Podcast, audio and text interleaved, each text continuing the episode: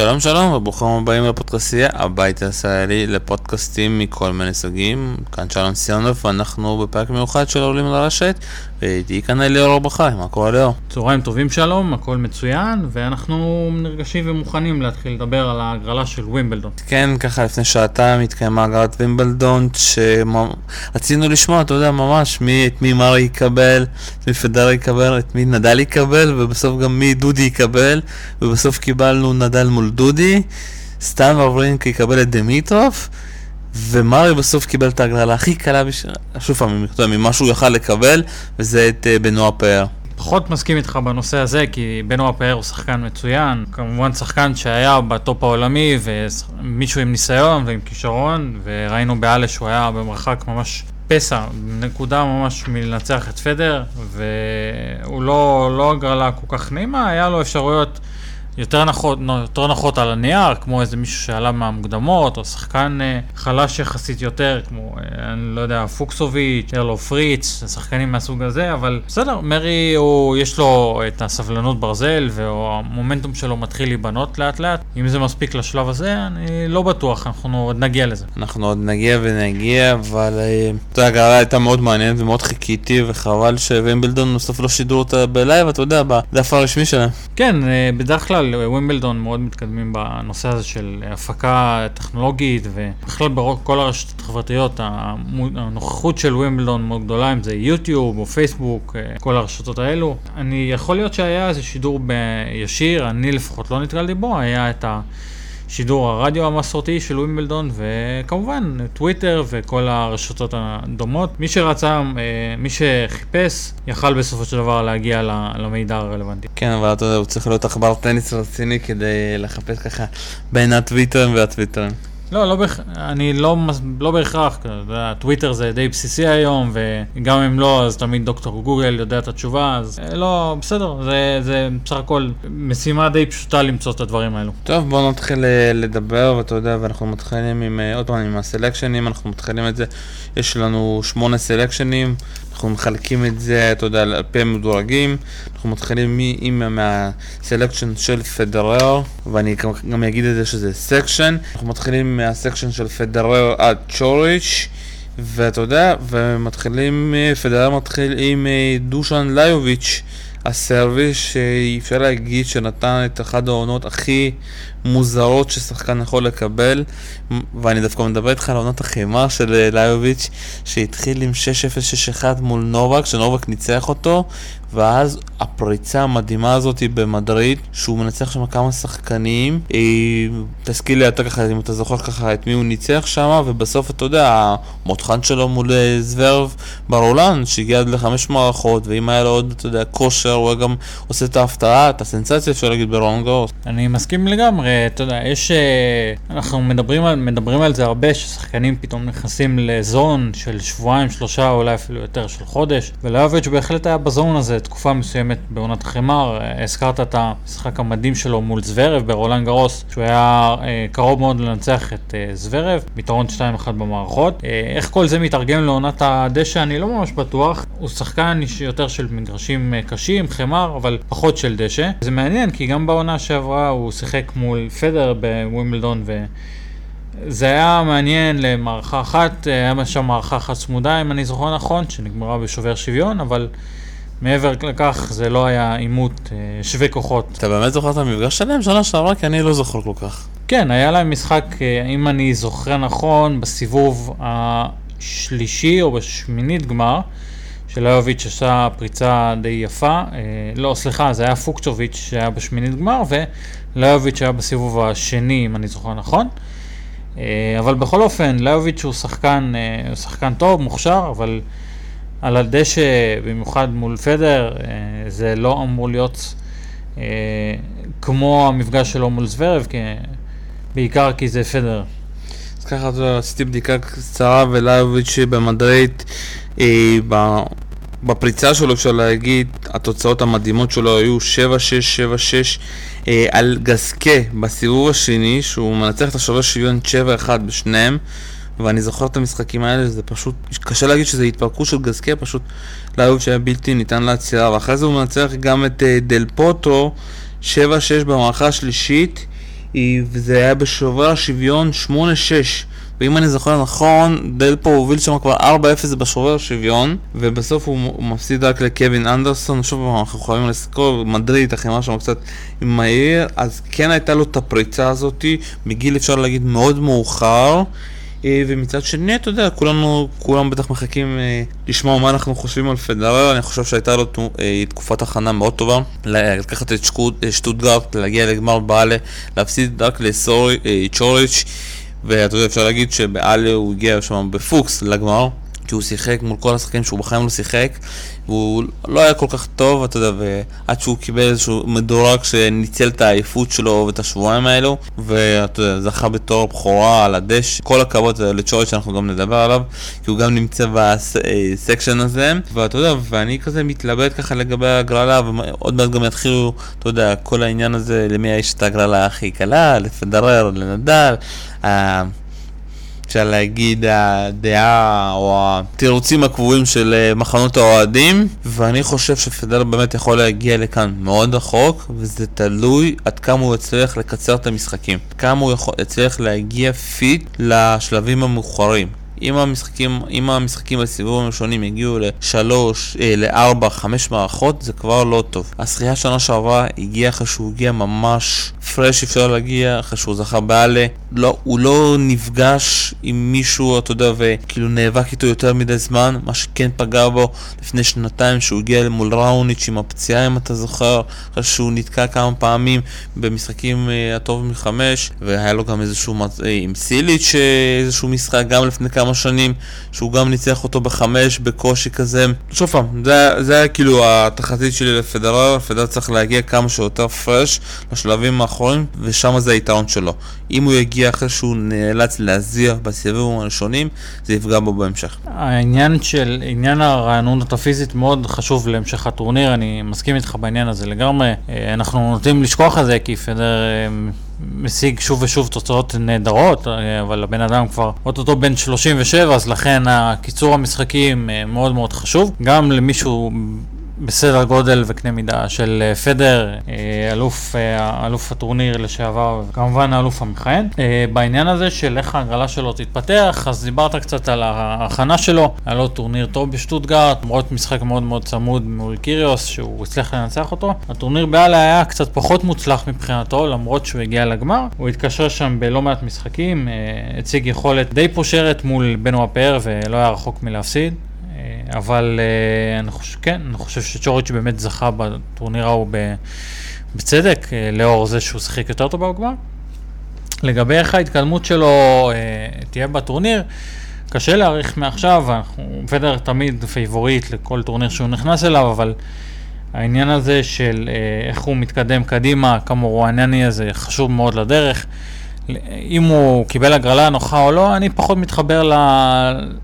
לכיוון מחשבה הזה, כי כשאנחנו מדברים על פדר או נדל או על שחקנים בסדר גודל כזה, אז אה, זה פחות משנה מי אתה מציב מולם, כי זה ברור שזה עוזר, ששחקנים אולי קצת יותר חלשים או מדורגים יותר נמוך, אבל uh, לא סתם הם אגדות, לא סתם הם שברו כל, כמעט כל שיא אפשרי, כל uh, שיא אפשרי, uh, וגם אם ההגרלה שלו הייתה יותר קשה או פחות קשה, זה ווימבלדון, זה דשא, זה פדר, הוא, הוא עדיין פיבוריט והוא אמור להתמודד עם אה, אתגרים כאלו.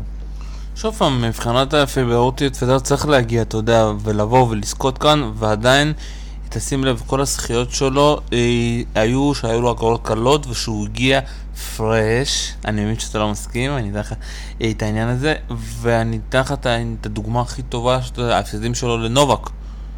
באותם, אה, אתה יודע, כל המפגשים, ההפסידים אפשר להגיד לנובק, אם אני לא טועה זה היה שלושה הפסידים, אה, הוא הגיע ממש פיזית לא אה, טרי, הוא מאוד, אתה יודע, בכל השבועיים האלה, עד שהוא הגיע לנובק, הוא עבד מאוד קשה, וכשאתה מגיע מול נובק, שנובק מוכן באותה תקופה, פשוט אמר, אני הולך לשחק עכשיו שעתיים, שלוש, ארבע, ואני הולך לשחק על הבקן של פדרר, ולחפש את הטעויות, וזה תמיד הצליח לנובק. אז בעניין הזה אני לא מסכים איתך כל כך. עניין הרענות הפיזית אמרנו מאוד חשוב, ואם אתה רוצה לחזור למקרה עבר, אז ב-2015 פדר לא הפסיד אף מערכה עד הגמר.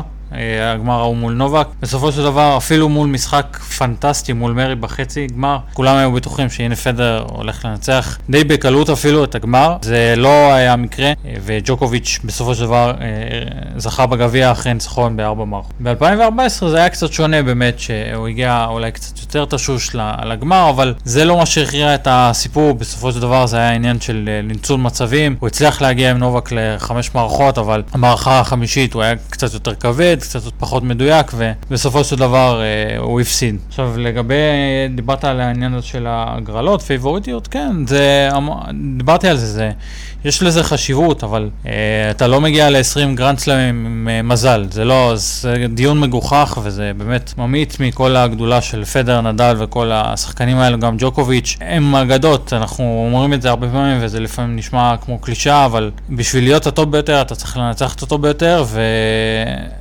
כן, אז גם, גם אם יש בדרך את לאוביץ' או את דל פוטרו או את uh, מרי, זה, זה חשוב, ההגרלות, ואנחנו מנתחים את ההגרלה עכשיו, אבל בסופו של דבר uh, uh, אתה צריך לתת את המאה אחוז שלך, וזה לא משנה מי עומד בצד השני של הרשת. טוב, בואו קצת נתחיל להתקדם. בסיבוב השני הוא יכול לפגוש את לוקאס לאקו, הסלובקי מיודענו, או שחקן די מפתיע שאני לא מכיר אותו, בנג'מין בונזי שעלה מהמוקדמות. שמעת עליו? לא, לא שמעתי עליו, אבל נראה שלוקאס לצ'קו הוא הפיבוריט להגיע לסיבוב השני, כנראה מול פדר. אה, אני באמת, הסיבוב, שני הסיבובים הראשונים של פדר נראים סך הכל בסדר גמור. אה, בסיבוב השלישי יש פה אפשרות לקרלוביץ', יוזני או אפילו לאונרדו מאייר, שזה כבר הם מבקשים קצת יותר פיקנטרים. אני הולך על מיני הפתעה ונותן ליוז'ני קשישה את, ה, את הכרטיס המוזר כביכול לסיבוב השלישי. אני, אות, אותי מעניין איפה ישימו את יוז'ני קרלוביץ', אתה יודע, אם זה יהיה במגרש 18 ובאיזה שעה, אתה יודע, זה משחק של חמש מערכות כזה, ויש שם שובר שוויון, או שאין עדיין שובר שוויון. לא, אין עדיין שובר שוויון בווימבלדון, מערכה חמישית, ואם יורשה לי, טוב שכך. אז אה, אני נותן כזה 10-8 כזה במערכה חמישית לקרלוביץ'. כן, למה לא? קניתי. אני יוז'ני הוא שחקן שאני מאוד אוהב לראות. טניס שלו, כמובן רואים כמה ניסיון יש לו בסבב, וכמה חוכמת משחק, איך הוא יודע לנצל אותה בצורה מיטבית. הגוף, והגוף, כמו כולם, אה, עם הגיל, המהירות והעוצמה ירדה, אבל אה, הוא עדיין שחקן מצוין. טוב, אנחנו ממשיכים, אתה יודע, ל... מדברים פה על הסקשן הזה, והסקשן... שהוא מחולק לאחד מ-1 עד 8, עכשיו אנחנו מתחילים לדבר על ה-9-16 ובסופו של דבר כאן מי שיכול להגיע לשמינית זה צ'וריץ', השחקן הזה שניצח את פדרר בעלה במשחק אפשר להגיד די מדהים, משחק די שדי הזכיר, אתה יודע, את המשחק ההוא שהוא הפסיד לו באינדיאנס ורלס, אבל כאן הוא הצליח, אתה יודע, לשבור גם פעם שנייה ולקחת את זה כמו גדול, ובסופו של דבר, אתה יודע, אם זה יגיע בשמינית הגמר, יהיה משחק מאוד מעניין, הבאסה שזה עוד פעם יתפול לנו על היום שני הגדול, ואתה יודע, אני מחפש ככה מי יכול להפריע לו, דווקא מי שיכול להפריע לו דווקא בסיבוב הראשון וזה דניל מדוודיו. הוא לא כמו חדשנוב, אני חושב מדוודיו פחות טוב על הדשא, מחדשנוב אני יותר מתלהב. ואם אנחנו נסתכל על עוד שחקנים, אולי אדריאן אה, מנרינו יכול קצת להפריע לו כשהוא הגיע לחצי גמר בנטליה, וזהו, אין פה שחקנים מעניינים משהו. אני מסכים איתך שג'וריץ' הוא במומנטום נהדר, והזכייה באלה כמובן תרמה לו המון אה, מבחינת הביטחון שלו לקראת הטורניר הזה בווימבלדון. אני כן מסכים איתך שהסיבוב הראשון הוא מוקש מאוד רציני מבחינתו, מדוודב אה, הוא שחקן מוכשר ומסוכן אה, להרבה מאוד שחקנים אחרים, ויש פה קרב על, על הדור הבא כביכול של ה-ATP. אני, בניגוד אליך, אני מעריך שדווקא מנרינו יהיה זה שיפרוץ אה, על, אל השמינית, כי יש לו קצת יותר ניסיון, והוא גם, גם הוא מגיע עם... קצת אה, עם מומנטום, דיברת על החצי גמר באנטליה וגם אה, בשנה שעברה הוא היה הפסיד בשמינית הגמר, אם אני זוכר נכון, לנובק ג'וקוביץ', שמינית או שמינית גמר, שמינית גמר, כן. אה, אז הוא, יש לו את הניסיון הזה במעמדים הגדולים, וכמובן יש פה את העניין של הטוב מחמש, שתמיד משחק לטובת המנוסים והחזקים יותר. מילה על מדוודב? מדוודב כמובן כישרון מדהים, אנחנו ראינו את המשחקים שלו בעבר, אני חושב שיש לו עוד המון לאן להתפתח. על הדשא ספציפית, אה, אם אני זוכר נכון, זה היה שנה שעברה או לפני שנתיים, אה, את ההפתעה שלו נגד וברינקה בסיבוב, בסיבוב הראשון, והוא תמיד איום. אני חושב שלצ'וריץ' אה, יהיה פה משחק לא פשוט של 4 או 5 מערכות, ואני, כן, אני גם מסכים איתך שהמקום של צ'וריץ' בשלבים המאוחרים יותר לא בטוח לגמרי. שוב יש לו, אפשר להגיד, משחק, הסיבוב הראשון מאוד tricky. אם הוא יעבור אותו, אני מאמין שהוא יכול להגיע רחוק, אבל הוא גם יכול להפסיד. אנחנו צריכים לזכור שצ'וריץ' הוא שחקן די לא יציב. אנחנו ממשיכים הלאה, אפשר להגיד, לסקשן 2 אה, שהוא מאוד משעמם כי יש פה שחקנים שיודעים לשחק על דשא אבל פחות uh, נעימים לעין אתה דווקא אוהב אותם שזה אני מדבר, תמיד, אי, אה, כמובן מדבר על סאם קווירי שפוגש את ג'ורדן uh, תומפסון לדרבי אמריקאי, יש לנו פה גם את קווין uh, אנדרסון שפוגש את נורברט גומבוס הסלובקי שגם עלה מהמוקדמות, הרבה שחקנים שעלו מהמוקדמות ש... אפשר להגיד שאנחנו לא מכירים אותם. יש לך פה את אה, ספי שמשחק גם מול אה, פטריק ג'ון סמית, גם שעלה מהמוקדמות, ושחקן שצריך, אתה יודע, לשמור על הרבה נקודות, ג'ילס אה, מולר, אה, שמשחק מול מיכאל אה, מו, ומולר, מי שלא זוכר, ניצח שנה שעברה את נדל, אז יש לו פה הרבה... אתה יודע, לשמור על נקודות, אחרת הירידה שלו תהיה תלולה, אתה יודע. אז ככה, תיקון קטן לטובת המאזינים, אה, תומפסון הוא אוסטרלי כמובן, אנחנו לא, לא, לא נזלזל במאזיננו מאוסטרליה. אה, לגבי מי שנמצא בחלק הזה של הגרלה, יש כמה שמות מאוד מעניינים. סם קווירי הוא תמיד מעניין על דשא, אה, שחקן שאני מאוד מחבב, וחלק אחרים אני מסכים, אני מודע לזה שלא כל כך מתלהבים מהסגנון שלו, אבל... חצי גמר, שוב פעם, חצי גמר שנה שעברה. צריך לזכור את זה מול סיליץ', הוא הפסיד לסיליץ' שנה שעברה בחצי גמר. כן, הוא שחקן, חצי, שציינת את זה בעצמך, שחקן מצוין, ולא כל כך, לא כולם מתחברים לסגנון שלו, אבל בסדר, זה עניין סובייקטיבי. אני יותר, באמת ציינת את השחקנים שיש כאן, מישהו שלא הזכרת, ושני שחקנים שפגשו כבר בסיבוב הראשון זה מונפיס וגסקה, שני הצרפתים, אה, בקרב נהדר אה, כבר בסיבוב הראשון, וגסקה שהגיע בעברו פעמיים לחצי הגמר בווימבלדון, תמיד, אה, תמיד מסוכן, תמיד שחקן מאוד מעניין לצ, לצפייה, טניס מאוד אלגנטי, ומי שיפרוץ פה קדימה, במידה רבה, כל השמינית הזו מאוד פתוחה, יש לנו גם את קווירי, את מונפיס, גסקה. אנדרסון, אפילו כל שרייבר שהוא שחקן דשא נהדר. קשה מאוד לראות לאן, לאן השמינית הזאת תתפתח. כל שרייבר שחקן מאוד מעניין ומאוד uh, מעניין אותי לאן הוא יגיע כאן, כי אני מאוד הופתעתי, אתה יודע, להפסד שלו לאדבן, uh, שזה היה מאוד כזה מוזר, אתה יודע, הוא ניצח את הסט הראשון והפסיד אחרי זה 6-2-6-1, ופתאום ראינו את אדבן מול פדרר, שהיה פשוט uh, מדהים. אז כל שווה בשבילי הוא תמיד חידה, ויש לו דווקא, אתה יודע, מפגש מול דונסקי. השאלה כמה דונסקי יודע, אתה יודע, לשחק על דשא, זו השאלה הגדולה. ואתה יודע, מאוד מעניין אם באמת בסופו של דבר קווירי ואנדרסון יגיעו כאן רחוק. כי אני רוצה להאמין שמולר, אתה יודע, יהיה פה אגוז קשה, מאוד קשה. לפיצוח. אז ככה, לגבי מולר, אני חושב שההכנה שלו לטורניר הנוכחי הייתה פחות, אה, פחות טובה מהשנה שעברה. שנה שעברה הוא הגיע אה, לגמר קווינס, אם אני זוכר נכון. וח... בכל מקרה, אה, ההכנה שלו העונה הייתה פחות טובה, והוא הפסיד כבר בסיבוב, הסיבוב הפתיחה שלו. לא בקווינס, בטורניר ההכנה ש... שטוטגרט, איסטבורן? אני חושב שיש שטוטגרט, אבל אל תתפסו אותי במילה. ובכל מקרה, אה, אנחנו, כן, דיברת את זה, אמרת את זה בעצמך, שהשנה הוא מגן על רבע גמר, ו...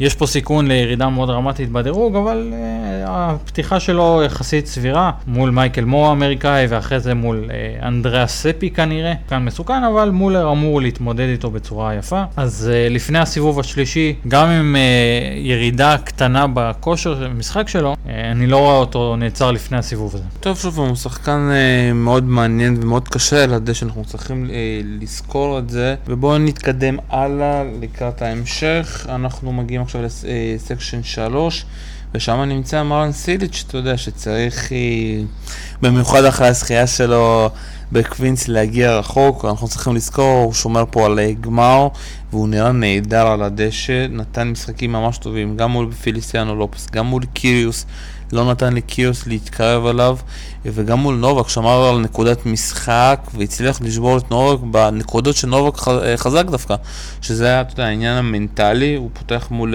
נישוקיה היפנים. אה, ואני מחפש פה עוד שחקנים מעניינים, ואני רואה כאן את מילוס ראוניץ'. אני רואה כאן את ראוניץ' שפותח מולם ברודי ואני מחפש פה עוד שחקנים מעניינים. אני לא רואה, אין פה איזשהו משהו מעניין. מה אתה רואה בסקשן הזה? אז לגבי שחקנים uh, מעניינים, אני כבר, המאזינים שלנו כבר מכירים את הגישה שלי, ולגבי לוקה פוי, אני מאוד מתחבר לטניס שלו, אבל uh, לצערי הוא לא מפסיק לאכזב כל פעם מחדש, אז uh, אולי אני אבנה על צ'יליץ' בפעם הזאת, כמובן עד לנקודה מסוימת, אבל uh, ציינת את צ'יליץ' כ favorite.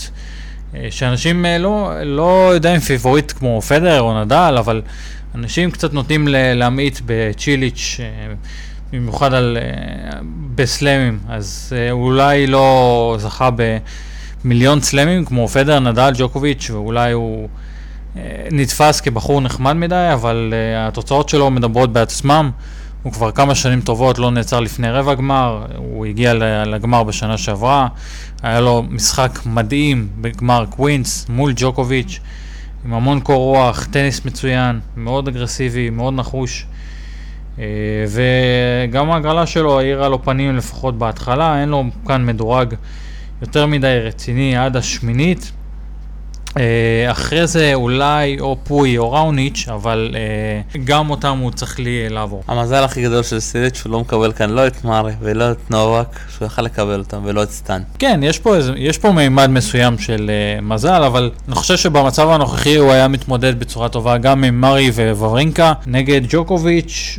קשה לדעת כי זה אטום מחמש וג'וקוביץ' הוא איש, איש ברזל ושחקן מוכשר לכל הדעות, אז uh, קשה לדעת איך הוא היה מתמודד עם זה, אבל uh, אני, אני נותן לו את ה... כמו שאומרים באנגלית, את ה-benefit of the doubt. אה, הוא כבר אה, אולי לא השיג את הכמות זכיות של מארי, או אין לו את ה killer instinct של וברינקה לפעמים, את הרצח הזה בעיניים, אבל אין ספק, הוא שחקן מדהים ומאוד מסוכן על דשא.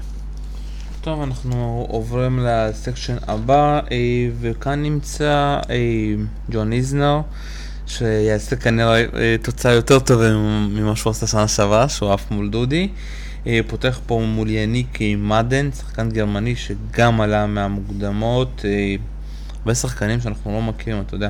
מאוד מעניין מה הלך שם במוקדמות. אני מחפש עוד שחקנים מעניינים. קמרון נורי, הבריטי, שהיה בגביע דוויס מעולה. וקיבלנו הרבה מחמאות מה... אפשר להגיד, המאזין הוותיק שלנו וגם הכותב הוותיק שלנו בפורום טניס גיא שפר. אה, ומאוד מעניין יהיה לראות מה הוא יעשה כאן, גם אה, סטפן ציפיס. אה, היווני, שנתן כמה משחקים טובים אפשר להגיד בהכנה, ראיתי את המשחקים שלו באלה אם אני לא טועה. עדיין יש שם, אתה יודע, לאן לשאוף, הוא עדיין לא כל כך מבין איך משחקים על הדשא, יהיה מאוד מעניין לראות אותו על הדשא בווימבלדון. ובסוף, אתה יודע, המשחק הכי גדול כאן אה, של הסיבוב הראשון זה סטן וברינקה מול אה, גריגור דמיטרוף. ואתה יודע, בסופו של דבר, אני מדמה את השנה הזאת של דמיטרוף, רק את השנה, לנבחרת גרמניה, אפשר להגיד. דמיטוב, אה, אתה יודע, יש לו הרבה כישרון, אבל משהו ב... הוא איבד את הרעב שלו, וזה בדיוק מה שגרמניה איבדה במונדיאל הזה, אבל אתה חושב שזה היה... הגזמתי קצת בהשוואה. כן, אני חושב שזו השוואה לא כל כך עובדת במקרה הזה, כי דימיטרוב מלכתחילה, אני לא יודע אם היה לו את האש הזה, את הרב הזה לזמן ארוך, כמו שהיה לנבחרת גרמניה, כמובן היה לו תוצאות נהדרות, כמו זוכרים, גם את החצי של גמר שלו בווימבלדון מול ג'וקוביץ' לפני כמה שנים, וגם את החצי לא ממש מזמן, ב-2017 נגד נדל, חצי גמר מדהים, אה, וזה לא, לא התבשל לכיוונים שאנשים ציפו ממנו, ואנחנו מדברים על זה לא מעט, אבל זה מה שיש, ועם זה צריך ללכת ללכת למלחמה, כמו שאומרים, ולהפיק את הטוב ביותר שאפשר. אני לא יודע, אולי דווקא הנמחת ציפיות הזאת תיתן לו איזשהו drive מחודש. היה גם כל מיני דיווחים לאחרונה, שהוא חושב על אה, נישואים, ילדים, כל מיני דברים שייתנו לו קצת יותר פרופורציות לעולם הטניס, אז ייתן לו איזה drive מחודש, אני לא יודע איך זה קשור כל כך, אבל אה, כמובן כל אחד עם הבחירות שלו, אבל לגבי המשחק בסיבוב הראשון, דיברת על זה המשחק של הסיבוב הראשון, ללא ספק, וברינקה נגד דימיטרוב, וברינקה גם הוא עדיין לא מצליח ממש למצוא את, ה, את המשחק שלו, את המוזה שלו, וראינו מול מארי, אה, אנדי מארי הצליח לנצח אותו, היה שם שם קרב uh, מעניין, אבל אני לא בטוח שדימיטרוב בכושר של מארי, כי uh, בכל זאת uh, דימיטרוב קצת בכושר משחק אפילו טיפה יותר טוב. טוב, אה, מאוד מעניין אה, באמת, אה, ומילה ליווני ציפס? ציציפס הוא שחקן מוכשר מאוד, אני לגבי הדשא אני מסכים איתך לחלוטין עם הנקודה שהעלית שהוא עדיין לא ממש הבין מה עושים בדיוק על המשטח הירוק המוזר הזה. הוא יותר, עדיין יותר חמריש, יותר כאן, שהעתיד שלו ורוד כנראה, אבל אנחנו נראה, זה עדיין, זה עדיין מוקדם מאוד בשבילו, בשביל לפרוץ קדימה בשלב הזה של הקריירה. טוב, אנחנו עוברים אולי ל section הכי מעניין אה, שכאן, זה section 5, דומיניק טים מול מרקוס בגדטיס, ותזכור מה שאני אומר לך, אם תהיה כאן הפתעה זה כאן. בגדדיס לא פראייר, במיוחד על הדשא, אני לא יודע באיזה מצב כושר הוא נמצא. אבל דומיניק טים, אתה יודע, תביאו רק כל השנה לשחק על החימה, הוא מאוד ישמח, אני גם לא אופתע, אתה יודע, שכולם עכשיו הולכים לנוח אחרי וימבלדון, שאתה תראה אותו פתאום בגשטד ובעוד כל מיני טורנירים על החימה. אה, מי יש לנו כאן עוד? אה, דוד פרר מול קצ'אנוב, רק אפשר להגיד גם הגרלה מאוד קשה לפרר. חדשנוב אה, רוסי, אחד הרוסים שאני מאוד אוהב אותו, ורדסקו מול טיאפו האמריקאי, משחק גם מאוד קשה לוורדסקו. אדמונד אה, פותח, אפשר להגיד, עם הגרלה הכי קלה שלו פה מול אלכס בולט, האוסטרלי, שגם עלה מהמוקדמות. אתה יודע, בסופו של דבר, ה section הזה הוא של נובק דיוקוביץ', שצריך להגיע כאן רחוק, אה, ואני מאמין שהוא יגיע רחוק, במיוחד מה שהוא עשה בקווינס. נובק בקווינס הראה שההגנה שלו חזרה, וזה נשק מאוד חשוב, שיש לו את הזמן לעשות את ההגנה. ההתקפה היא תבוא, ויכול להיות שהיא לא תבוא, אבל אם הוא לא יפגוש את איזשהו צ'יליץ', אה, או אפשר להגיד אולי גם נדל, שהם שחקנים שיודעים אתה יודע, לתקוף ולהגן, אני חושב שככה, אני מחפש שחקנים שהם אה, התקפיים עד הרמה של סיליץ' ואני לא מוצא. אז אני מאמין שאם ההגנה יכול להגיע כאן אחורה. כן, אני מסכים עם זה. אה, ג'וקוביץ' במגמת שיפור מאוד בולטת, ראינו את העלייה שלו. החל מטורניר אה, רומא, התוצאות שלו משתפרות, הכושר שלו משתפר, אה, והגמר בקווינס הוא היה רחוק נקודה אחת מזכייה, תואר באמת שחמק ממנו כבר אה, למעלה משנה, אז הוא, הוא מתקרב מאוד, מתקרב מאוד לג'וקוביץ' שאנחנו מכירים, אבל יש פה עניין אחר, יש פה את העומס הזה באמת בחלק הזה של ההגרלה, יש פה את ורדסקו, אדמונד, טים, דיברת על טים נגד בגדטיס, אני חושב שזה לא מופרך לגמרי שבגדטיס ישלוף פה איזה הפתעה. עם החיבה שלו אה, היא בעיקר למשטחי החמר. אממה, אני חושב שהכושר ורוח הנעורים שלו קצת יותר אה, חזקה מבגדטיס בשלב הזה, במיוחד בטוב מחמש, לכן הוא נראה לי זה שימשיך קדימה. הבעיה הגדולה יותר, לפחות לדעתי, ממה שאני רואה פה, זה המשחק בין ג'וקוביץ' לאדמונד בסיבוב השלישי האפשרי, אה, שאדמונד שחקן מאוד קשוח, מאוד... חיובי בשפת הגוף שלו, וראינו את ההפתעות שהוא עשה ב Australian Open, וגם אה, מול מרי, ממש במשחק האחרון שלהם, אה, בטורניר קווינס. הם אה, שיחקו באיסטבורן. באיסטבורן, סליחה, נכון, באיסטבורן. ואדמונד, אני...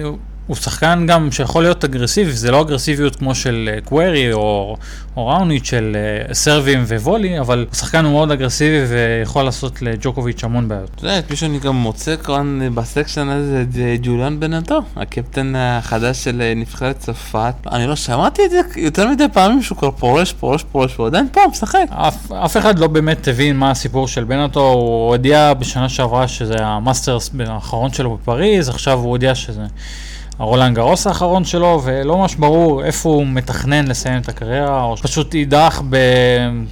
מתחת לרדאר, לא ברור מה הוא מתכנן לעצמו, אבל אה, אם הוא אוהב את המשחק והוא מרגיש שהוא עדיין כשיר פיזית, אז כן, למה לא? הוא שחקן אה, מאוד נחמד, מאוד מעניין לצפייה, ואם אה, זה הבחירה האישית שלו, וכמובן הוא עושה את זה ממודעות מלאה, אז כן, יאללה, בכיף. טוב, אנחנו ממשיכים לסקשן 6, הוא גם מאוד מעניין אותי, קיריוס כאן נמצא, פותח מול אה, איסטומין האוזבקי, גם זוורב כאן פותח מול ג'יימס אה, דוק אה, וורט. דוק וורט, כן. אוסטרלי שדווקא לא עלה מהמוקדמות, אה, מפתיע. גם ארנס גולביס נמצא פה ומקבל פה אה, את אה, ג'יי קלארק הבריטי. אה, גם השחקן הצעיר הגרמני, מקסימיליאן מרטרר, שעשה הרבה בעיות, ל... אפשר להגיד לשפלוב ברולנד גרוס, וגם קצת הפריע לנדאל, אבל ישחק פה מול ד... אה, דמיר ג'ומהור, ויש לנו גם את אה, נישיקורי כאן, שפותח מול האריסון, וגם את אה, ברנרד טומיץ' שנמצא כאן. וואו. איזה section מדהים. אחד, אחד השמינית, באמת, אחת השמיניות הכי מסקרנות בהגרלה, לטעמי, אה, ציינת את כל השחקנים הנהדרים שיש פה, קיריוס, נישיקורי, ג'ומהור, זוורב, מרטרר, המון שחקנים שיכולים אה, לפרוץ קדימה, כמובן השניים הבולטים ביותר זה קיריוס וזוורב, אה, זוורב ששבר לאחרונה את אה, מחסום קללת הגרנד סלאמים שלו, והגיע לרבע גמר ב... ברולנד גרוס אמנם אה, נפצע שם למרבה הצער, אבל אני חושב שיכול להיות שנפרץ איזה סכר שם, ואני מקווה מאוד בשבילו שכן יוכל למנף את זה הלאה לסלמים אה, עתידיים. הנקודה המעניינת שצריך לעקוב אחריה בטורניר זה דווקא ניק קיריוס, כי התוצאות שלו גם בשטוטגרד חצי גמר וגם בקווינס טובות, יפות מאוד, אבל אה, עדיין יש לו שטויות שלו, ואם זה ה tweener ים או כל מיני אה, תנועות אה, שפת גוף מוזרה, או תנועות מגונות שהוא עושה מה... עובר שגרמו לו, אה, הובילו את ה-ATP לקנוס אותו, אז יש שם כמה ברגים שעדיין לא מחוברים לגמרי, אבל אה, אם הוא, אם הוא יהיה באמת מפוקס ובמיטבו, קשה מאוד להתמודד עם המשחק שלו. כמה מילים על קיריוס, אה, ראיתי את כל המשחקים שלו בתקופת ההכנה, גם את המשחק שלו מול פדר בשטוטגרט, גם את המשחקים שלו בקווינס, ושמע, וזה כיף לראות. יכולנו להגיד, אתה יודע, מה המשטח הכי טוב לקיריוס, זה באמת הדשא. ה serve שלו עובד בצורה מדהימה, ואני לא יודע אם לא שם, שמת לב, אבל אה, יש איזשהו אה, אתר שבו שחקנים אה, רושמים, אתה יודע, כל מיני חוויות, המבט משלהם. אה, וקיריוס כתב שם איזשהו פוסט, אה, אפשר להגיד, מלל מאוד ענק. על ההרגשה שלו איך לחזור, לשחק טניס. אנחנו צריכים לזכור, הייתה לו איזושהי פציעה בגביע דוויס. אה, והוא לא שיחק, אפשר להגיד, את כל עונת החימר, הוא שיחק רק בזוגות בליון, וזכה עם ג'ק סוק, והחליט שהוא לא רוצה ללכת אה, להתאמן, אה, ב... להתחרות, אפשר להגיד, בארון גאוס, וישר אתה הגיע לעונת הדשא, ואתה רואה פתאום קיוס שבאמת רוצה לשחק, באמת מתאמץ.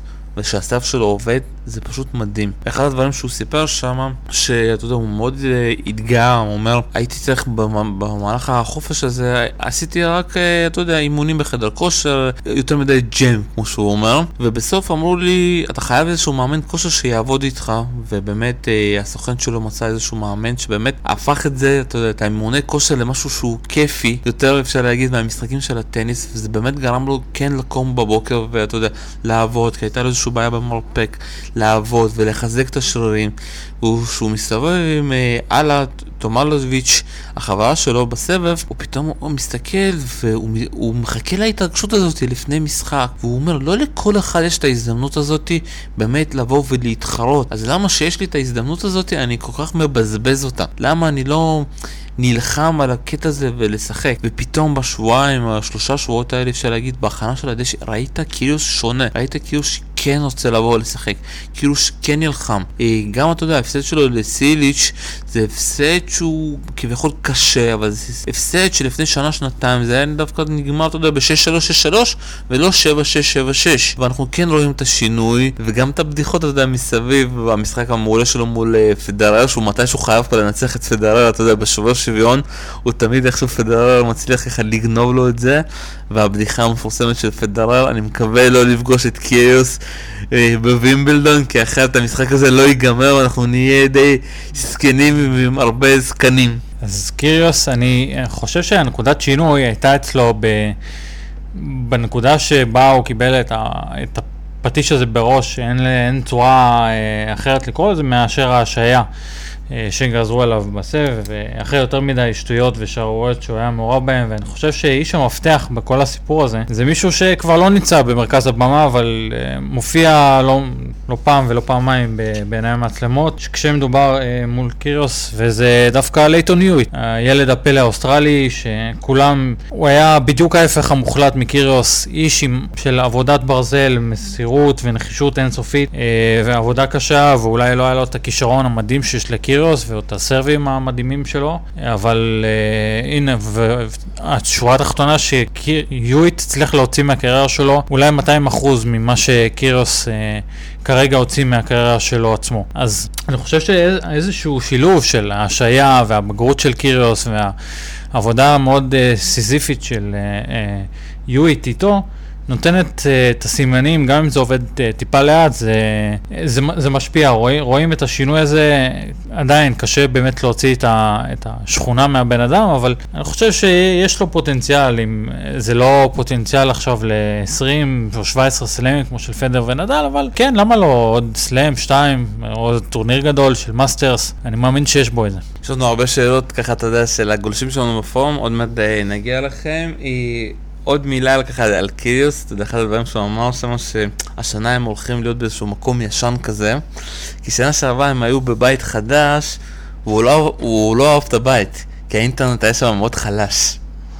אז uh, היה חסר לו את העניין הזה, והוא גם, אתה יודע, זה מאוד מעניין, כי אימא שלו כמעט מגיעה לכל uh, תחרות מסתבר, ואימא שלו מאוד, אתה יודע, אפקטיבית בקריירה שלו, והיא מחליטה הרבה דברים, ואתה יודע, ואם אתה רוצה להגיע איכשהו לקיוס, אתה קודם כל צריך מסתבר לדבר עם אימא שלו, ואימא שלו צריכה לשכנע את אבא שלו להגיע לווימבלדון שיהיה גם אצלו. איתו הבנתי שהוא כתב ככה שאבא שלו הוא...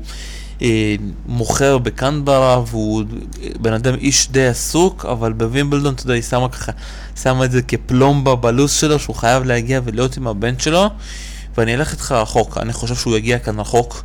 זו הגרלה מאוד קשה לאלכסנדר זוורב, מאוד מאוד קשה. זוורב, אתה יודע, אם היה צריך, אם היה צריך להגיע לאנשהו רחוק, זאת הייתה הזדמנות, וזה הולך להיות משח... אחד המשחקים, אתה יודע, הגדולים, ושוב פעם, זה הולך להיות לנו בשמינית הגמר, זה הולך להיות ביום שני הגדול, ואתה יודע, אני כבר משתגע שזה הולך להיות ביום הזה, וזה משחק מאוד, אתה יודע, בשמינית הזאתי, המנצח כאן יכול להגיע מאוד רחוק, וקשה לי, אתה יודע, מכאן ומההכנה שהייתה לזוורב, וחוסר הכנה, אני לא רואה, אתה יודע, איך הוא עובר, זה רק במידה וקיריוס הגיע באמת שיכור, לא שהוא שיחק בפלייסטיישן כל הלילה לפני. זה מצחיק שאתה מציין את הפלייסטיישן, כי ראיתי לא מעט אה, אנשים וקוראים. מגיבים שמתייחסים לעניין הזה, אז איזושהי אנקדוטה מאוד מעניינת אה, שאנשים אה, ככה מאוד מתלהמים על זה שהוא יושב בחדר הלבשה, משחק פלייסטיישן. גם פדר הגדול התבטא פעם בעבר שבתחילת הקריירה שלו הוא כמעט ולא היה עושה חימום, הוא היה יושב ומשחק פלייסטיישן לפני משחקים, אז אם אה, אחד הגדולים בכל הזמנים אה, יכול לעשות את הדברים האלו ועדיין לקחת את הקריירה שלו למקום חיובי, אז בסדר, זה, זה עדיין לא סוף העולם וזה עדיין לא אומר שהקריירה שלו גמורה או שהוא שחקן לא טוב. הוא שחקן טוב, אבל פשוט צריך כמה תיקונים כדי לאשר אותו, וציינת את העובדה שההורים שלו יהיו בטורניר הקרוב, אז זה משהו שמאוד יכול לקרקע אותו וקצת לתת לו פרופורציות. אני, אני כן, אני חושב, אני מסכים איתך שהסיכויים שלו בטורניר טובים, הוא בכושר מצוין. השאלה איך הוא יתמודד עם נישיקורי בסיבוב השלישי, יש לו את השמינית אה, אפשרית מול זוורב, רבע גמר אפשרי מול ג'וקוביץ'. זה לא הולך להיות פשוט, אבל אה, קיריוס כבר עשה דברים משוגעים מזה בעבר. אנחנו ממשיכים ל section הבא, וכאן נמצא דל פוטו, פותח מול פיטר, ואתה הולך להשלים את השם המשפחה שלו? פיטר גויוצ'וק, גויוצ'יק.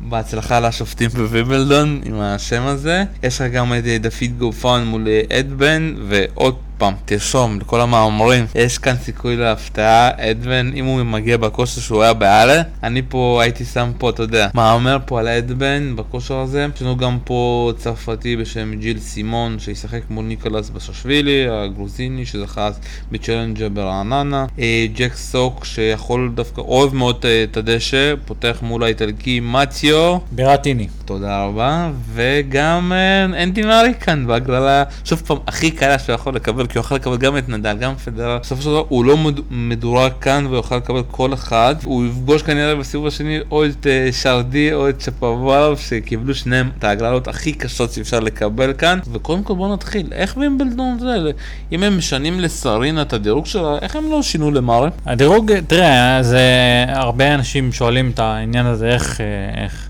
לא שינו למארי את הדירוג, כי לסרינה הם כן עשו. אז הדירוג בה, אני מאוד ממליץ לקרוא את החבר'ה שלא ממש בקיאים את הפוסט שהעלה נמרוד בנושא הזה בבלוג שלו, על עניין הדירוג של הגברים והנשים. הדירוג של הגברים והנשים עובד קצת שונה בווימבלדון, בצד של הגברים הוא מבוסס על נוסחה שמשקללת גם את הדירוג הרגיל וגם את הישגים של הדשא. בנשים זה קצת יותר פתוח, אז היה מקום למשחק אה, בנושא הזה. אבל אה, אתה נתת איזושהי השערה לגבי אה, הפתעה, אז אם אני הייתי לוקח איזשהו הימור, אז אני הייתי מהמר דווקא על הפתעה של פרטיני האיטלקי נגד צ'ק סוק. האמריקאי שכבר, אנחנו אוטוטו מסיימים את חודש יוני והוא עדיין לא חיבר שתי משחקים, שתי ניצחונות רצופים, שהסיפור שלו באמת קטסטרופלי, השנה אין מילה אחרת לתאר את זה, אה, וזה בחור שכזכור לכולם היה בטורניר המסכם בלונדון. עכשיו עוד מילה על החלק הזה של ההגרלה, שיש פה את אנדי מרי שדיברנו עליו קצת בהתחלה, אמרת את ההגרלה הכי קלה שהוא יכול לקבל, אני פחות מסכים לחלק הזה. כי הכי הכי קלה שהוא יכל לקבל זה שחקנים קצת יותר אה, בסיסיים, כמו איזה מישהו שעלה מהמוקדמות, אלכס בולט או אה, ברטיני, או אה, כל מיני שחקנים מהסדר גודל הזה, אפילו wild card. בנואה פר שחקן מצוין, אבל... אני עדיין לא מסכים איתך, ושוב פעם אני אגיד, הוא יכל לקבל פה גם את נדל, גם פדרר, כל שחקן, אתה יודע, מה top 10, והוא דווקא קיבל את בנואה פר, שזה לא גאון הדור. גם הסיבוב השני הוא מאוד קשה, שזה שרדי או שפוואלוב, שהם גם, שוב פעם, לא שחקנים שמרי לא יכול לנצח אותם. אני בטוח שאם הוא היה פוגש את פדר או נדל, הוא לא היה עובר אותם. זה נכון למרי ב-100% כושר, אנחנו מדברים עדיין על מרי שחוזר לאט לאט ועדיין לא ב... בשיא היכולת שלו, ובטח בטח לא ברמות של 2016, אז בסדר, זה הגרלה בינונית, בין לבין. כאילו, תמיד יכול להיות יותר גרוע, אבל תמיד גם יכול להיות uh, יותר טוב. כן, uh, בן וואפר, אני חושב שאם היה מדובר פה על משחק של הטוב משלוש, הייתי אומר לך, וואלה, יש מצב באיזשהו משחק שהמומנטום uh, קצר וממש לעניין, אז, אז היה אפשר לדבר על זה, אבל מהטוב מחמש, בכושר פיזי בנוכחי שלו, ו... מול שחקן שבכושר טוב, אה, כמו בנו הפאר, אז אני פחות אופטימי לגבי מרי. טוב, מאוד מעניין, אנחנו גם נדבר על מרי עוד מעט בשאלות. עוד משהו שאתה רוצה קצת אה, לדבר לפני שאנחנו עוברים, או ש... לא, בוא נמשיך לחלק הבא. וזה החלק, אה, אני מצטער, אוהדי נדל, וזה הולך להתפרסם באוהדי נדל, אבל זה...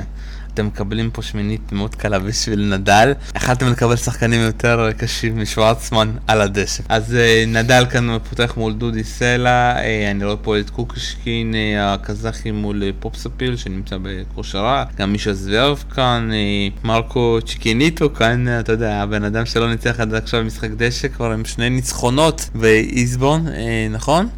ויש לך גם את פוניני פה, שפותח מול דניאל טארו.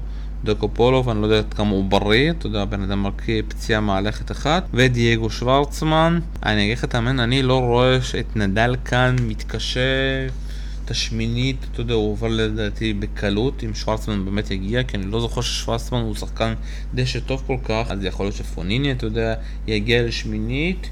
ובאמת הבעיות של נדל יגיעו אולי ברבע. זה שאלת מיליון הדולר. אני, קודם כל ההגרלה של אה, נדל מול סלע, מבחינתנו הצופים הישראלים זה הגרלה לא, לא נעימה כל כך לעיכול, ויש חלק שעודדו את נדל מן הסתם, יש חלק שעודדו את דודי סלע, שהוא ינסה לעשות איזושהי את הסנסציה מדהימה נגד נדל, שזה אולי... אם וכאשר תהיה ההפתעה אולי הכי גדולה בתולדות ווימבלדון, אבל... בואו נהיה אה, קצת רציניים. כן, בואו באמת נתקדם הלאה. אני חושב שדיברת על העניין של השמינית. אני פה אני רוצה להכניס איזושהי נקודה היסטורית, כי אנחנו מדברים על נדל, וכמובן הוא שחקן מדהים, זוכה, הוא היה טורניר פעמיים בעבר, אז הוא יודע לשחק על דשא, אבל בשנים האחרונות אה, אנחנו צריכים לזכור את זה, הוא לא עבר משנת 2012 את שלב שמינית הגמר. כלומר, הוא היה בגמר ב-2011, ואחרי זה הגיעו רוסול, דארסיס, קיריוס, אה, היו שם גם פציעות בדרך, הגיע ז'יל מולר, כלומר, אנחנו, כן, זה לא, זה שחקנים שנדל אמור להתמודד איתם, ושחקנים שנדל אפילו יותר טוב מהם בשורה התחתונה, אבל משהו שם לא מצליח אה, להתחבר בצורה מסוימת. כשאני מסתכל על ההגרלה כאן, אין, עוד פעם, אין את המישהו הגדול הזה על הנייר, ש, שאתה אומר איזה קיריוס, איזה אדמונד, איזה מישהו עם עוצמות, ש, שיכול באמת אה, לשבור את הקצב של נדל, אבל אה, יש, כן, יש יש פה את אולי קוקושקין, או פוניני, או כל מיני שחקנים אה, אחרים, קואבס. אני, אנסה, אני אנסה לקצר לך, אין פה שום big man שיכול לנצח את נדל. נקודה. כן, אבל אה, בסדר, אין big man, אוקיי, אבל גם דארסיס לא היה big man.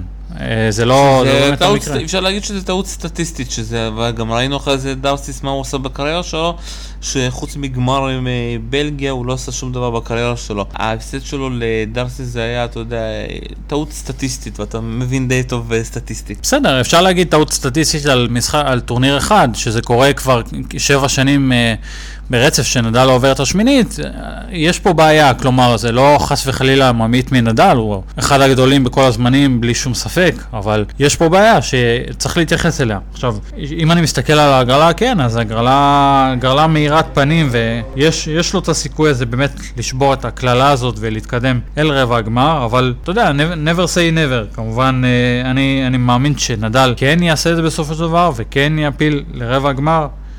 אה, אבל אתה יודע, אני, אני, לא, אני לא אפול מהכיסא אם יהיה פה איזושהי נפילה בדרך. אני אומר, אתה יודע, כדי לנצח את נדל אתה חייב big serve, קיריוס ניצח אותו בגלל ה serve הגדול שלו, אה, מולר ניצח בגלל ה serve הגדול שלו. ואני לא מוצא, אתה יודע, ונדל יאכל את כל השחקנים שיש לו כאן, ככה אפשר להגיד, בקלות. גם דודי, שוב פעם, דודי זה מאוד מאכזב, שוב פעם.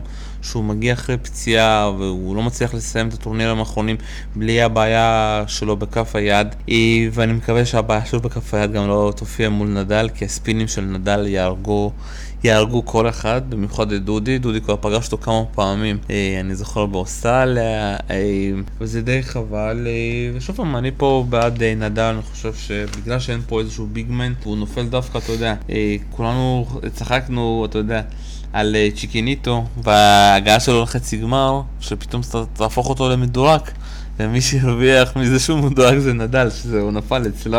אז uh, כל עוד נדל, כל הפורום של נדל, אני מצטער, אבל uh, קשה לי להיות פה כאן uh, אובייקטיבי, אני ריאלי. זה הקרלה השמינית די קלה עד הגמר. עוד, עוד נקודה אחת, תחשוב שאנחנו באמת סוגרים את העניין הזה של ההגרלה ועברנו על כל החלקים של כל שמינית בנפרד.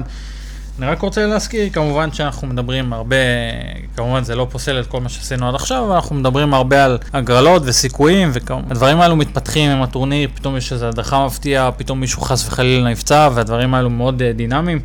כך שאנחנו לא יכולים uh, עדיין להעריך, אנחנו רק יכולים להעריך ולשער, אבל אנחנו לא יכולים באמת uh, לדבר על מישהו שהגרלה שלו בלתי אפשרית או דברים כאלו. ראינו, את ה, גם, את שק, ראינו גם את שקינטו, שלום ציין את זה נכון, שהגיע לחצי גמר ברולנד גרוס, שאף אחד באמת לא, לא ציפה ממנו לעשות את הדבר כזה, הוא בכלל היה... Uh, לקי לוזר שקיבל איזה שיחת טלפון מאוד בהולה. זה, זה ספורט, זה, למה, זה הסיבה שאנחנו צופים בדבר הזה, כי יש את המדורגים, יש את הסיכויים, יש את התרחישים שאנחנו חושבים שיכולים לקרות, אבל ההפתעות זה מה שמכניס את, ה, את התבלין לסיפור. אנחנו מתחילים ככה עם שאלות מהקהל, ומתחילים עם עמיתי סדיאל. שאלה ראשונה שלו, יש לו שלוש שאלות כאן. אה, אחד, כמה אתם חושבים שמארי יכול להגיע רחוק? אה, קשה לי, שוב פעם, קשה לי להאמין, והשאלה הכי... שאתה, שאני מנסה לחשוב, והשאלה מה הוא יצליח לעשות בסיבובים הראשונים. מה הוא יצליח לעשות מול uh, בנואה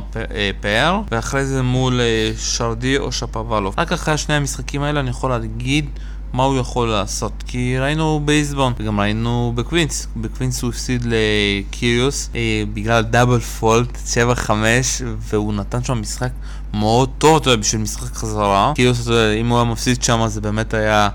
אה, אפשר להגיד, זה כמו שמישהו, אפשר להגיד, אני לא יודע כזה, איך לעשות איזה מין אה, השוואה או מטאפורית, זה כמו ששחקן חובבן מנצח שחקן מקצועני. אתה יודע, אם קיוס היה מפסיד.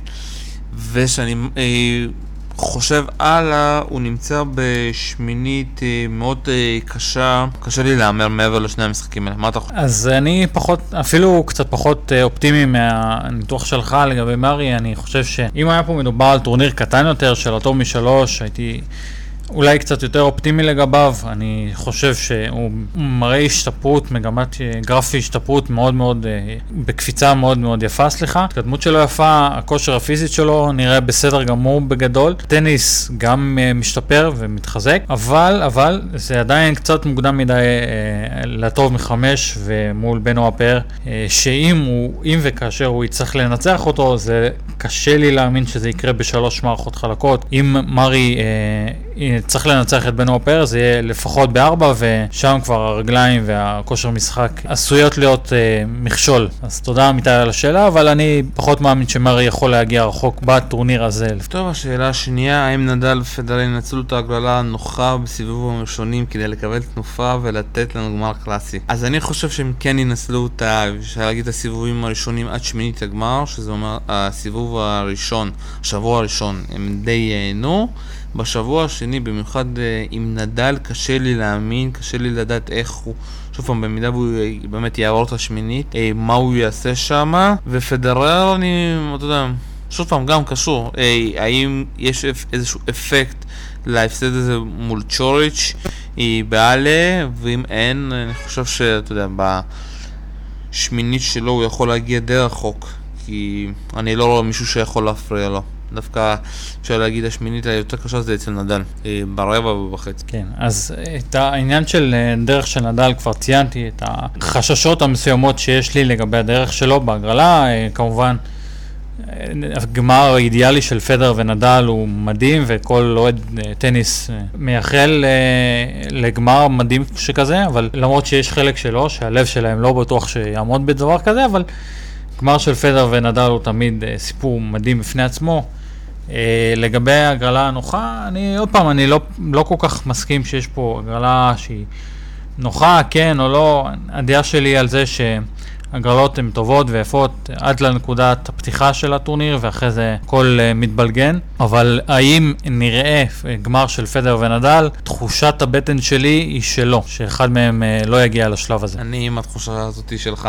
יש כאן עוד שאלה דווקא לגבי אנשים אבל אנשים אנחנו נעשה בפודקאסט בנפרד אני מקווה. יש לנו פה שאלה של תומר זברסקי מי הסוס השחור או כמה כאלה שיש לשים לב אליהם שיכולים להגיע גבוה מאוד ואולי לגמר או לזכות גם בגלל ההגרלה הנוחה וגם בגלל יכולת טובה בכללי או על דשא. אני אתחיל ואני מאוד מאמין בצ'וריץ', במיוחד מה שהיה באלה. כאילו זה כבר לא איזשהו סוס חדוש, אה, סוס שחור חדש.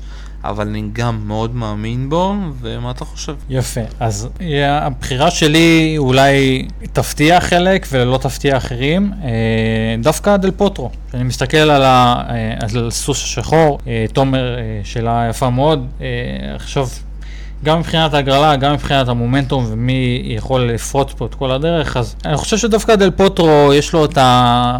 איזשהו X factor כזה, איזשהו ניסיון ש... של הפקת היכולת שלו למקסימום ב... בשלבים המכריעים ובטורנירים המכריעים. נכון שדשא זה לא בדיוק ה cup of tea שלו, ויש לו באמת חלק אה, קשה פה עם מרי, בנואה פאר, שרדי, שפובלוב, כל השחקנים האלו, אבל אולי דווקא החלק הזה אה, יגרום לו אה, באמת לרוץ קדימה. הוא הסוס השחור שלי לטורניר הזה. אוקיי, אז השאלה הבאה שיש לנו זה של גל הרציג, והוא באמת מתעניין על הסיכויים של אה, ג'וקוביץ' בטורניר הזה. בשאלה, אחת השאלות הקודמות, שדיברנו על פדר ונדל והסיכוי לגמר קלאסי, אז אמרתי שאני פחות מאמין בסיכוי של אה, התכנות של גמר כזה, איזה תחושת בטן כזאת, אבל uh, פה אני גם מקשר את זה לשאלה של גל, ואני חושב שהגמר יהיה דווקא פדר ג'וקוביץ', קלאסיקה בפני עצמה. ג'וקוביץ' מקבל פה חלק לא פשוט בעליל, אבל עם איזושהי אמונה מחודשת, וגם העניין הזה של הטוב מחמש. 5, שלום הזכיר את ההשתפרות שלו בחלק ההגנתי, איזשהו אה, רוח חדשה שנושבת במפרס, במפרסים של ג'וקוביץ', וגם המצב הבריאותי שלו אמור להיות 100%, אז אני דווקא חושב שג'וקוביץ' אה, עומד בפני טורניר אה, יפה. ואני באמת צופה לו הגעה עד הגמר, אה, לפחות, אני מקווה בש... בשביל פדר שזה יהיה רק עד הגמר, ו... אבל אה, כמובן, אני, אני מאוד אופטימי לגבי הסיכויים של ג'וקוביץ', כי... טוב, גל אה, שאל פה עוד שאלה, וגם אה, כמה יכול להגיד נדל. דיברנו על נדל, אז אנחנו, אתה יודע, ככה ננסה להכניס את זה ככה עם נובק, ואני חושב שגם הזכרת את זה. אני חושב שזה קצת מגזים שנובק יגיע עד לגמר. הוא כן, שוב פעם, הגנתית, אני מאמין שהוא יכול להגיע עד לרבע גמר. מה יקרה ברבע גמר זה שאלת מיליון הדולר, את מי הוא יפגוש, אה, באיזה כושר מנטלי ופיזי הוא יהיה. כי עד עכשיו בהפסידים שלו, גם לצ'יקיניה איתו וגם לסיליץ', הוא הפסיד רק בגלל הראש, רק בגלל החלק המנטלי, שזה החלק הכי חשוב של נובק.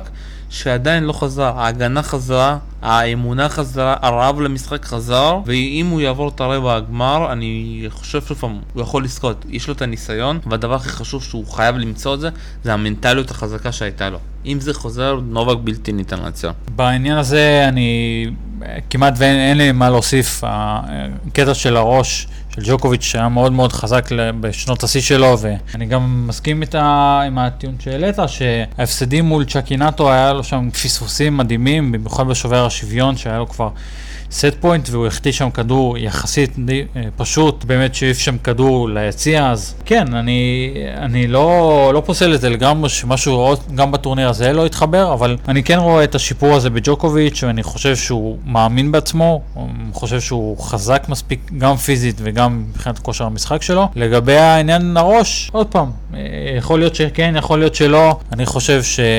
אני חושב שיש בו את זה. טוב, אה... נמשיך אה, ככה לשאלה הבאה.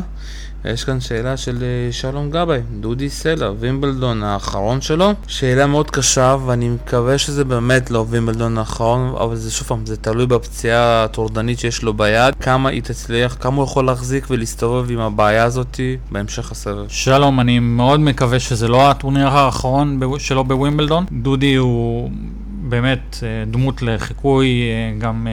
בתור בן אדם, בן אדם מאוד נחמד ושחקן בחסד עליון, כישרון ענק, כמה הוא חשוב לטניס הישראלי, כולם אה, יודעים ומעריכים אותו על זה. הנקודה ששלום כאן ציין לידי, שאיך הוא התמודד עם הפציעה שלו, כי יש פה בעיה, ובמיוחד אה, שעכשיו הוא, אם הוא לא יצליח לעשות איזושהי סנסציה שלא נראית עשרות שנים בטניס, אז הוא גם הולך לצנוח בדירוג, ומשם יהיה לו מאוד מאוד קשה לטפס בחזרה. אז אני מקווה מאוד שלא, אבל אה, יש פה סימנים לא, לא טובים. טובים. ויש כאן עוד שאלה של כפיר רובין, אה, איפה שאלה, אתה יודע, על סבב אנשים ועל בושארד, כמו שאמרתי, אנחנו לא מדברים פה על סבב אנשים, אבל חייב להגיד מילה על בושארד, כל הכבוד שהיא עלתה מהמוקדמות, אבל מעבר לזה היא לא תעלה לשום מקום, אני חושב שהיא כבר עברה את השלב הזה שהיא שחקנית אה, טניס. כן, הבחירות של בושארד בשנה וחצי, שנתיים האחרונות היו תמוהות בלשון המעטה, אם זה המשפט המוזר שהיא ניהלה שם מול ההנהלה של ה-US Open, אה, על אותה החלקה מפורסמת, ואם זה עובדה שלראשונה מאז מדריד 2017, אם אני זוכר נכון, שהיא ניצחה שלושה משחקים ברצף.